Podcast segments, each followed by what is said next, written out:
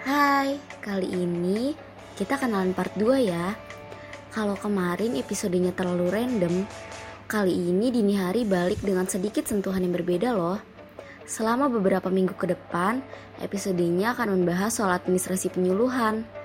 Karena yang punya podcast dini hari adalah seorang mahasiswi yang sedang duduk di bangku perkuliahan.